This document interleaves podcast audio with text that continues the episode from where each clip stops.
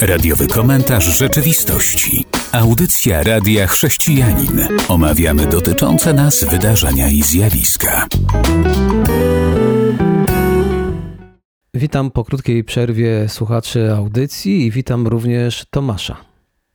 Bardzo miło ponownie gościć y, u Państwa i przyjemnie mi z Tobą, Robercie, znowu omawiać ważkie sprawy, które interesują naszych słuchaczy.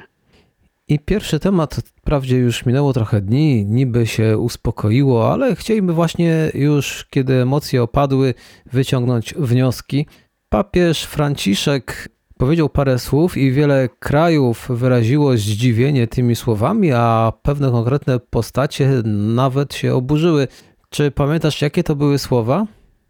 No, no zapewne myślisz o, o tej wypowiedzi do, skierowanej do młodych rosyjskich katolików odnośnie tego, by, by pamiętali e, o tym, że są spadkobiercami wielkiej Rosji, Piotra I, Katarzyny. Tak, dokładnie. I, i te tak słowa. dalej. Więc pozwolę tu sobie zacytować. Jesteście dziećmi Wielkiej Rosji, Wielkiej Rosji Świętych, króla Wielkiej Rosji Piotra I, Katarzyny II, tego wielkiego imperium o tak wielkiej kulturze i wielkim człowieczeństwie. Nie rezygnujcie nigdy z tego dziedzictwa. Jesteście spadkobiercami Matki Rosji, idźcie z nią naprzód i dziękuję Wam za Wasz sposób bycia, za sposób, w jaki jesteście Rosjanami. Powiedział to do młodych Rosjan. No i jego słowa teraz spotkały się z krytyką praktycznie chyba na całym świecie, w kontekście oczywiście trwającej wojny na Ukrainie. I teraz, jak to czasami człowiek coś powie, nie zastanowi się, a teraz wielu nawet nie próbuje już y, tłumaczyć Franciszka, po prostu zostawili to, no i świat, świat się zdziwił. Pytanie właśnie, czy, czy, czy się nie zastanowił? No, Franciszek jest zwierzchnikiem mm, potężnej rodziny religijnej, jaką jest Kościół katolicki. Jak sama nazwa wskazuje, jest to wyznanie dość powszechne, funkcjonujące na całym świecie i to z aspiracjami do bycia moralnym przewodnikiem nie tylko w chrześcijaństwie, ale, ale i poza nim. Tak przez wieki zwierz, poprzednicy Franciszka, inni papieże z takimi roszczeniami wobec świata występowali i tak to przez wielu, nie tylko katolików, było i jest odbierane, więc głos nie tylko w kwestiach wiary, ale, ale właśnie w kwestiach moralności, tego co się dzieje w świecie, wypowiadany przez, przez taką osobę jest słyszalny, jest komentowany, no i może wywierać konkretny wpływ na, na postępowanie wielu. A jest też kwestią pewnego świadectwa, także chrześcijańskiego. Żyjemy w kraju, gdzie większość jego mieszkańców to są wierni Kościoła katolickiego, dla których papież jest głową, jest, jest przewodnikiem, zwierzchnikiem, jest wyrazicielem w jakimś wymiarze woli Bożej i, i poglądów chrześcijańskich na różne sprawy. Dlatego ta wypowiedź tym bardziej może szokować przede wszystkim Ukraińców. Myślę także, że paradoksalnie i, i Rosjan. No, ale, ale nas na pewno. My wiemy, co to znaczy Wielka Rosja, Imperium, Piotr I, Katarzyna II. Znamy to z naszej historii, dosyć boleśnie doświadczaliśmy tego imperium, a, a dzisiaj tak szczególnie doświadczają tego Ukraińcy, którzy też w historii te konotacje są dla nich jednoznaczne. I ja myślę, że mało kto zwrócił uwagę na, na, na coś takiego. Jest jeszcze pewien paradoks. Papież kierował te słowa do młodych katolików rosyjskich. Zdecydowana większość katolików, którzy mieszkają w Rosji, to potomkowie Polaków, Litwinów, niemieckich osadników, w każdym razie osób, które w tym imperium, no nie wszystkie się znalazły z własnej nieprzymuszonej woli, poza tymi właśnie wspomnianymi niemieckimi osadnikami, ale część, część katolików z innych, innych nacji no w Imperium Rosyjskim znalazła się właśnie dzięki temu, że Piotr I, Katarzyna II i tak dalej podbijali różne kraje i podbijali dosłownie. Z tymi podbojami wiązały się gwałty, śmierć, cierpienie wielu ludzi. I tym bardziej należałoby ostrożnie wypowiadać pewne, pewne kwestie do katolików rosyjskich, a już na pewno głębokie zdziwienie, szok, a myślę też i cierpienie te słowa mogły wywołać u około 6 milionów wyznawców Kościoła katolickiego, którzy mieszkają na Ukrainie, która dzisiaj tak boleśnie doświadcza, czym jest imperializm rosyjski, czym jest ta wielka Rosja. Zresztą obecny włodarz Rosji bardzo często powołuje się na Katarzynę II, na Piotra I, tak jak, tak jak jego poprzednicy, choćby, choćby Stalin i inni. Także wypowiedź papieża wpisuje się tutaj bardzo niechlubną tradycję i nie wiem, czy można to tłumaczyć nieznajomością historii Europy Środkowej, historii Rosji, historii stosunków religijnych na tym obszarze. To jest, to jest szokujące. To na pewno ani, ani temu skądinąd sympatycznemu papieżowi nie przysparza y, sympatii y, większej niż by za nią zasługiwał. No a co za tym idzie, y, kościołowi, któremu on przewodzi, też nie tworzy jakiegoś zbyt dobrego świadectwa, bo ta wielka Rosja właśnie rękami swoich dzieci krzywdzi teraz y, innych ludzi, w tym bardzo często właśnie katolików, którzy na, na Ukrainie na przykład mieszkają. To są, to są grekokatolicy, to są katolicy obrządku łacińskiego. No to jest kilka milionów ludzi, mówiąc już o, o, innych, o innych osobach, które są krzywdzone właśnie w imię tej wielkiej Rosji, do której się papież odwoływał. Kończąc ten wątek, może słowa jednego z katolickich publicystów, Terlikowski, zapytany, co to oznacza dla niego jako katolika, odpowiada w gruncie rzeczy niewiele. Papież nie jest nieumylny ani nie ma autorytetu, który wymagałby posłuszeństwa wiary w dziedzinie historii, matematyki czy geopolityki. Jego wyrastające z niewiedzy opinie na temat historii Rosji są z tej perspektywy zwyczajnie mniej znaczące i istotne niż choćby pogłębione analizy Richarda Pipesa. I dlatego, gdy będę szukał prawdy o Rosji, sięgnę do tego ostatniego, a nie do Franciszka. A teraz przechodzimy już do Niemiec. Zanim utwór muzyczny, to ciekawostka z tegoż to kraju, bo Niemiec, który stracił ukochanego zwierzaka, może teraz zdecydować się na zorganizowanie nabożeństwa żałobnego w jego intencji. Pierwszy taki budynek sakralny powstał. Jak podaje ewangelikalny serwis informacyjny, przedsiębiorca pogrzebowy zajmujący się zwierzętami kupił dawny kościół metodystyczny i budynek ten teraz będzie służył do organizacji pochówku zmarłych zwierząt. Takie dosyć praktyki, które nam są jeszcze obce a tu się okazuje, że niektórzy już chcieliby, aby to zwierzęta miały również pogrzeby porównywalne do tych, jakie mają ludzie. No to nic nowego, bo, bo zwierzęta miały w różnych kulturach, w różnych czasach takie pogrzeby. To zależy od wrażliwości no, tych, tych e, właścicieli tych zwierząt. Jeżeli chodzi nawet o religijne uroczystości, to bodajże w Wiedniu od kilkudziesięciu lat funkcjonuje taka formuła religijnych pogrzebów i to, i to, y, i to w środowisku katolickim. Tutaj zdaje się mamy do czynienia z, z protestanckim obrządkiem, czy postprotestanckim, ten, ten niemiecki przypadek, ale cmentarze dla zwierząt, uroczystości pogrzebowe dla zwierząt też są już często spotykane w Polsce. Każde większe miasto posiada taki cmentarz i osoby, które taką wrażliwość mają, Y, no, chcą pożegnać swojego no, członka swojego, swojej rodziny, no, istotę, z którą się związały przez lata w ten czy inny sposób, a to, to jest kwestia no, indywidualnej wrażliwości, jak, w jakiej formie chcą się rozstać z tym swoim, swoim pupilem, swoim, swoją bliską istotą. I jestem to w stanie zrozumieć. No, pytanie, jaką się do tego dorabia teologię. No to już jest odrębny, odrębny temat, ale, ale myślę, że, że to chyba nie, nic drożnego. Wszak apostoł Paweł wspomina w liście do Rzymian, że całe stworzenie tęskni do, do Stwórcy. Także i te nasze kochane pieski i inne, inne zwierzątka. No, też to, to jak chcemy je pożegnać w sposób bliski naszej duchowości, to czy, czy, czy w tym jest coś złego, szokującego? Kulturowo pewnie tak. Jeśli chodzi o to, to nie jest to protestancki ani katolicki. Oni są otwarci na wszystkie trendy religijne, dlatego że jak czytam w liturgii pożegnalnej mogą uczestniczyć i przemawiać urzędnicy religijni, na przykład duchowni lub szamani. Także udostępniają miejsce dla tych, którzy chcieliby po prostu skorzystać. Będą mieli to w budynku przypominającym oczywiście wcześniejszą historię, a więc chrześcijańską. A od razu powiem, e, koszt to około 500 euro w zależności od wielkości zwierzęcia. Już w tym roku firma zorganizowała ponad 600 takich nabożeństw żałobnych dla zwierząt domowych.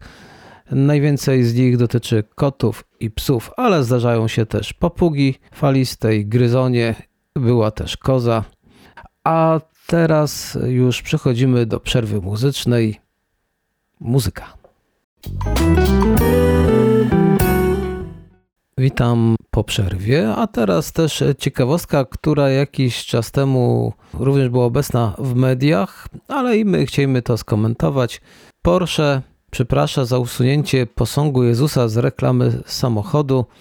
Widzę zdjęcie, na którym jest Jezus i widzę zdjęcie z reklamy samochodu.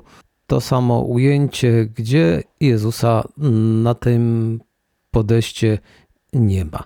Reklama miała upamiętnić 30. rocznicę powstania klasycznego modelu 911. Nakręcono ją w Lizbonie w Portugalii. No i taka na tyle dziwna rzecz, no bo jak nie chcieli Jezusa, to mogli sobie wybrać inny rejon i by wtedy nie było w tle posągu Jezusa. A tak go wycinać to taka dziwna praktyka, więc myślę, że nic dziwnego, że wywołało to ogromne zdziwienie. Ale już przeprosili.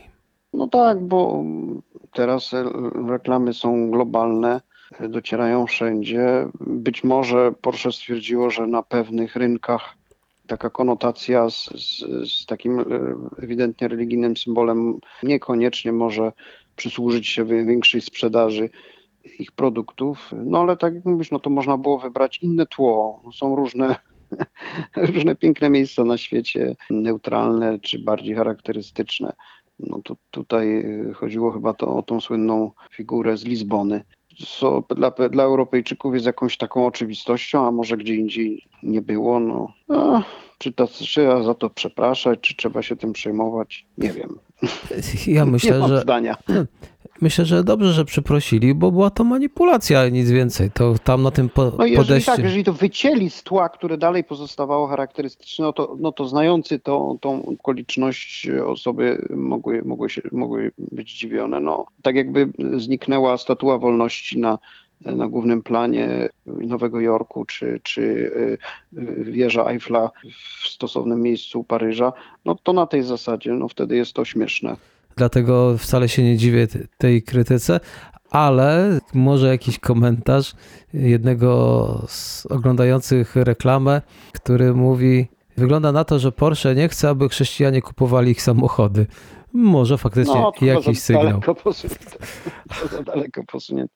Firma Porsche, francuska, mogła sobie zrobić w tle właśnie tą wspomnianą wieżę Eiffla i, i nikomu by to pewnie nie przeszkadzało. A teraz e, wspomnijmy o autorce książek, książek kontrowersyjnych w środowisku chrześcijańskim, więc tak naprawdę to nie o książkach chcemy mówić, ale o takiej dziwnej postaci wykluczenia. Muzeum Popkultury w Seattle opublikowało wpis na blogu odnoszący się do poglądów Rowling, autorce serii o Harrym Potterze i zarzucono jej to, że ma transfobię, a także bazuje na stereotypach rasowych przy tworzeniu bohaterów swoich powieści. I co się stało?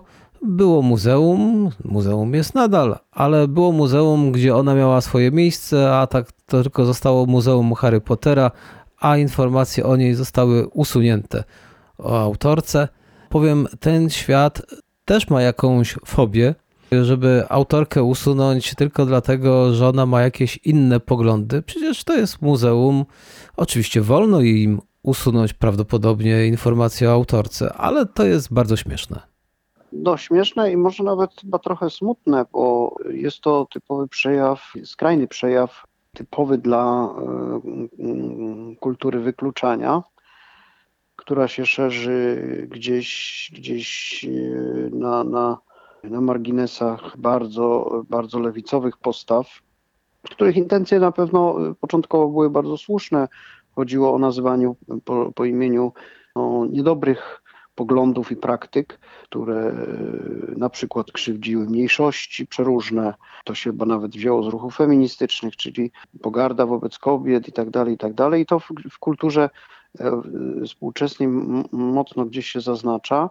I w, I w, tym momencie padła ofiarą y, Bogu Ducha Winna chyba Rowling, której y, dorobek właśnie poprzez, poprzez tą, tą serię książek y, o Harry Potterze, które jak zresztą, no to tutaj jest śmieszne właśnie, że to, temu muzeum zależy na tym, żeby, żeby promować ten dorobek, ale gdzieś wy, wyklucza autora z takich czy innych powodów.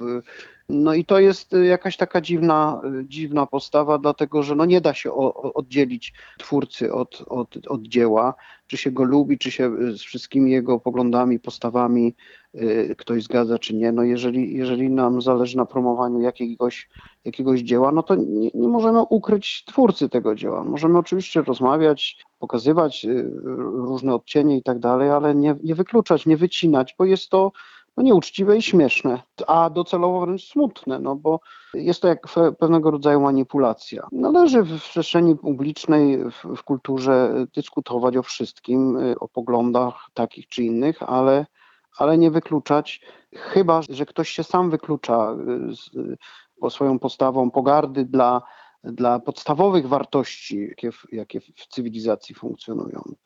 To tak, ale tutaj jest to, jest to no, przesadne y, stosowanie tej zasady wykluczania, kultury wykluczania całej takiej. Dlatego mówię, na tyle jest to też i dziwne i trochę śmieszne, bo prawda jest taka i smutne też zarazem, bo jeżeli komuś się nie podoba autor, to też dziwne, że promuje jego książki, które i tak przysparzają temu autorowi chwały, sławy i pieniędzy. Ale tutaj jeszcze jest jeden zarzut, i to już nie wiem, to, to mogą socjolodzy już się chyba zająć tym tematem. Nie będziemy tego przedłużać, niech będzie to tylko ciekawostka, ale również oberwało jej się od pewnych środowisk zarzut wobec niej, że w jej książkach nie pojawiają się postacie inne niż białe i nie ma tam nic o LGBT, że to również jej zarzucono, no bo przecież tak to powinno już być. Dziwne rzeczy, żeby komuś już mówić, co on ma pisać w swoich książkach, ale tu już postawimy kropkę, gdyż teraz przerwa muzyczna. Witam już w ostatniej części naszej audycji, a teraz do Chin. Tutaj ciekawostka. Chińskie władze zaprezentowały nowy projekt ustawy, którego celem jest ograniczenie dostępu dzieci do urządzeń elektronicznych nawet do zaledwie 40 minut dziennie, jak się dowiedziałem. I te proponowane przepisy mówią o tym, że dzieci do 8 roku życia będą mogły używać smartfonów przez maksymalnie 40 minut każdego dnia. Osoby od 8 do 16 lat będą miały pozwolenie na to, aby korzystały przez jedną godzinę dziennie. Natomiast młodzież w wieku od 16 do 18 lat będzie miała pozwolenie na korzystanie ze smartfonów przez maksymalnie 2 godziny dziennie. W godzinach od 22 do 6 rano nieletni, czyli wszyscy poniżej 18 roku życia, nie będą mogli ich w ogóle używać. Takie to rozporządzenie może wkrótce tam wejść, a celem jest, aby zapewnić młodym ludziom odpowiednią ilość snu oraz ochronę ich zdrowia fizycznego i psychicznego no bo jednak urządzenia elektroniczne stwierdzili szkodzą. Intencje piękne. Młodzieży i każdemu człowiekowi trzeba zapewnić e, właściwą ilość snu, dobrego odżywiania się, komfort, higienę psychiczną, fizyczną i tak dalej. Tylko państwu chińskiemu, które rządzone totalitarnie, akurat bym nie ufał w tej kwestii. E, chodzi tu po prostu o kontrolę całkowitą e, tego społeczeństwa, inwigilację i ciekawe, jak to zostanie wykonane, no bo to, to, każdy, każdy obywatel będzie śledzony, czy państwo jest ważniejsze, czy, czy rodzice. To raczej apelować należy do rodziców, by odpowiednio tak kształtowali standardy wychowawcze, by, by, by dzieci znajdowały bardzo dużo czasu na, na rozwój osobowościowy, a nie tylko ślęczenie przed, przed tymi ekranami, telefonami czy innymi Y, formami y, zagubienia się w internecie. No na pewno w świecie demokratycznym jest to wręcz niemożliwe, Ale tak, Chińczyków stać na coś takiego, bo pamiętajmy, że przeciętny obywatel tego państwa nie ma dostępu do, do, do, do takiego internetu jak my. Jest to kontrolowane, inwigilowane. Temu państwu służy to, żeby, żeby tych obywateli całkowicie mieć pod butem, ale na, na pewno warto jedną lekcję z tego mieć, że, że dbajmy o rozwój mm, zdrowy, o zdrowe życie naszych, naszych dzieci, nas samych, ale na pewno nie tędy droga. Zwróciłeś uwagę na coś, co faktycznie nie jest tak znane naszym obywatelom, że Chińczycy mają też obieg zamknięty w internecie, więc już e, ta kontrola państwa jest tak duża, że państwo chce im zapewnić sieć, ale w tej sieci to nie ma już tego, co mogłoby zaszkodzić komunistycznej partii Chin, a więc to, co wykracza poza Chiny. To próbują tak ograniczać. Ja podejrzewam, że ta kontrola może też czasem zagościć w telefonach również dorosłych, bo oni też mogą mieć wytyczne, ile mogą korzystać albo z czego. Ale teraz już przechodzimy do kolejnej wiadomości. Ta już jest bardziej optymistyczna i radosna. Ludzie czytają Biblię, rozdają Biblię, inni sprzedają Biblię, bo po okresie pandemii wzrosło nią zainteresowanie. Po gwałtownym spadku na początku pandemii koronawirusa w 2022 roku więcej ludzi niż w poprzednich latach weszło w posiadanie Biblii, informuje Kaj. W ubiegłym roku rozprowadzono 35,5 miliona egzemplarzy, a około 3 miliony jest to około 3 miliony więcej niż w roku poprzednim. Tak też informuje niemieckie Towarzystwo Biblijne w Stuttgarcie. No to pozostaje się tylko cieszyć. Statystyki dystrybucji Pisma Świętego są opracowywane corocznie przez Światową Federację Towarzystw Biblijnych, więc mamy porównanie. No, należy się cieszyć i tak jak wspominaliśmy o tym przy omawianiu e, w ogóle e, poprawiających się danych co do czytelnictwa, szczególnie literatury religijnej, no, no, no stare polskie przysłowie się sprawdza, jak trwoga to do Boga. No czas pandemii to wzbudza u wielu osób refleksję nad życiem, nad jego sensem.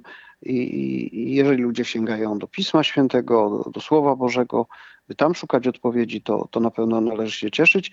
A myślę, że ten optymizm byłby większy, gdybyśmy zauważyli, że że te dane najprawdopodobniej cytowane przez Ciebie y, najprawdopodobniej odnoszą się tylko do tego, co sprzedają towarzystwa biblijne, a w wielu krajach, na przykład w Polsce, gdzie istnieje towarzystwo biblijne od ponad 200 lat, większość, chyba z 80% Biblii jest sprzedawanych produkowanych i sprzedawanych przez wydawnictwa nie, niezwiązane z Towarzystwem Biblijnym. Chodzi tutaj o, głównie o przekłady katolickie, ale nie tylko, także i protestanckie Pisma Świętego. No, one nie są w dystrybucji Towarzystwa Biblijnego, więc najprawdopodobniej tych Biblii na świecie się sprzedaje jeszcze więcej, z czego należy się tym bardziej cieszyć. Każdy z nas może się do tego też przyczyniać. Można znaleźć w internecie wiele księgań chrześcijańskich, które i samo Towarzystwo Biblijne i te inne wydawnictwa, które udostępniają y, przekłady Pisma Świętego w języku polskim. Mamy tych przekładów co najmniej kilkanaście, także każdy może znaleźć przekład, który będzie mu się podobał, bylebyśmy tylko czytali i, i rozpowszechniali to Pismo Święte, a, a, a przede wszystkim żyli wedle tego, co ono tam nam podpowiada, jak, jak, jak się Panu Bogu podoba, byśmy żyli. Także do tego zachęcajmy naszych słuchaczy, żebyś słuchali, czytali i, i żyli wedle Pisma Świętego. A na koniec parę informacji, jeśli chodzi o liczby. Wśród krajów, w których rozprowadzono największą liczbę nowych Biblii w 2022 roku, była Brazylia. Tam prawie 5 milionów egzemplarzy, Stany Zjednoczone trochę więcej niż 2,5 miliona oraz Indie 2,5 miliona to są duże kraje, więc dobrze, że tam Biblia też do, do, nich może docierać w takich ilościach, ale niektórzy mówią, że zauważono również wzrost sprzedaży w Chinach, a również w przeważająco buddyjskiej Kambodży, gdzie liczba sprzedanych egzemplarzy Biblii podwoiła się. Wprawdzie to jeszcze wciąż mała liczba, bo ona wynosi 25 tysięcy, ale to mnie cieszy. Większość Biblii wydrukowano w języku hiszpańskim, to prawie 6 milionów, po angielsku niecałe 5,5 miliona i po portugalsku niecałe 5 miliona Biblii. Też po mandaryńsku prawie 2 miliony Biblii. Tak więc e, To były liczby na sam koniec, a teraz dziękuję serdecznie za uwagę. Do usłyszenia. Do usłyszenia. Dziękujemy serdecznie. Był to radiowy komentarz rzeczywistości.